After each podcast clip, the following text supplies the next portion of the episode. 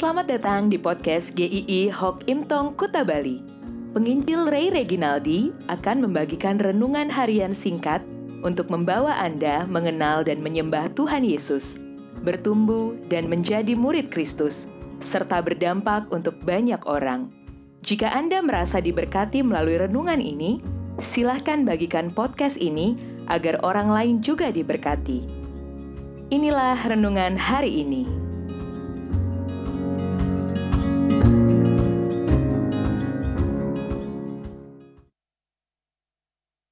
Kesepian, bagian kedua. Tetapi jika aku harus hidup di dunia ini, itu berarti bagiku bekerja memberi buah. Filipi 1 ayat 22a. Seorang pilot bernama Antonio Sena harus mendaratkan pesawat yang dikendarainya sendirian secara darurat di tempat terpencil di hutan Amazon. Hutan Amazon yang penuh dengan satwa liar, yang membahayakan. Saat dia terdampar di sana, dia mempunyai pilihan untuk bertahan saja di sana dengan ketidakjelasan, diam saja atau berjalan terus. Akhirnya dia memilih yang kedua. Dia berjalan dalam waktu 36 hari sampai dia bertemu dengan sekelompok orang. Akhirnya dia selamat. Salah satu yang dikatakannya ketika dia sedang sendirian adalah bahwa dia tetap berharap. Seseorang yang hidup sendirian mempunyai pilihan untuk diam saja meratapi dirinya, atau terus melangkah bersama Tuhan dan menikmati hidup bersama Tuhan. Masalah lain saat kesepian melanda di dalam hidup adalah emosi yang tidak stabil, mudah sedih, mudah marah-marah karena merasa dirinya sudah tidak berguna, tidak mampu melakukan apa pun, memandang dirinya begitu rendah dan merasa paling buruk. Kalau kemarin kita sudah bahas dua hal, yang pertama, yang ketiga adalah ketika kita dilanda kesepian. Kita harus ingat, tetap hasilkanlah buah. Kembali Rasul Paulus mengatakan apa yang harus kita hasilkan di dalam hidup ini. Filipi 1 ayat 22a.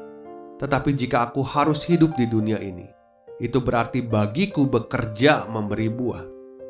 Tujuan hidupnya jelas banget. Kalau masih diberikan kehidupan oleh Tuhan, artinya ada sesuatu yang harus dikerjakan untuk memuliakan Tuhan. Inilah indahnya kita mengikut Tuhan. Tidak ada yang namanya kita tidak berguna lagi, tidak ada yang namanya kita tidak bisa apa-apa, tidak ada yang namanya pensiun melayani Tuhan. Biarlah semakin bertambahnya usia, semakin berbuah bagi Kristus, menjadi berkat untuk orang-orang di sekeliling kita. Jadilah sahabat untuk sesama kita, bukan hanya kita meratapi diri kita. Bagi mereka yang merasa sendirian, jadilah sahabat untuk mereka. Tuhan mau kita semakin serupa dengan Dia setiap harinya semakin sabar, semakin setia, semakin murah hati, semakin berkarya. Tuhan mau Anda tetap hasilkan buah. Masalah terakhir yang sering muncul dalam kesepian adalah kekhawatiran. Melihat semuanya kok tampaknya bahaya ya. Setiap hari dilalui dengan ketakutan-ketakutan yang kebanyakan hanya ada di pikiran dan tidak bisa realistis juga sering kali gelisah di tempat tidur, tidak bisa tidur sampai subuh. Maka, hal keempat yang perlu kita pahami adalah penuhi hati dengan ucapan syukur. Saat Rasul Paulus menasehati soal kekhawatiran di Filipi 4 ayat 6, dia mengatakan nyatakanlah dalam segala hal keinginanmu kepada Allah dalam doa dan permohonan dengan ucapan syukur. Dan 1 Tesalonika 5 ayat 17 mengatakan mengucap syukurlah dalam segala hal sebab itulah yang dikehendaki Allah di dalam Kristus Yesus bagi kamu. Mengucap syukur ini serius karena dikatakan dikehendaki Tuhan.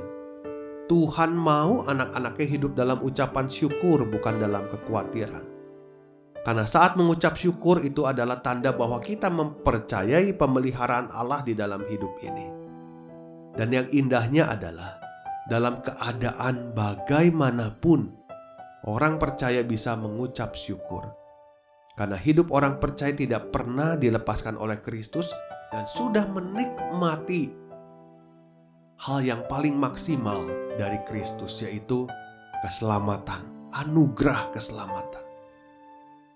Mungkin tempat kita tinggal, rumah, kosan, boleh sepi. Mungkin anak-anak kita yang sudah dewasa sudah punya kesibukan masing-masing. Seringkali juga sahabat, teman-teman juga tidak selalu bisa berada bersama kita. Keluarga juga mungkin jauh. Tetapi masih begitu banyak hal yang bisa disyukuri setiap harinya di dalam Tuhan. Kiranya kalau Anda hari-hari ini menghadapi kesepian, ingatlah empat hal itu di dalam hidup setiap kita. Yang pertama, hiduplah untuk mengenal Tuhan Yesus lebih dalam. Kedua, isi hari-hari dengan doa. Ketiga, hasilkanlah buah. Keempat, penuhi hati dengan ucapan syukur. Besok kita akan memasuki episode yang baru. Sampai jumpa. Tuhan memberkati.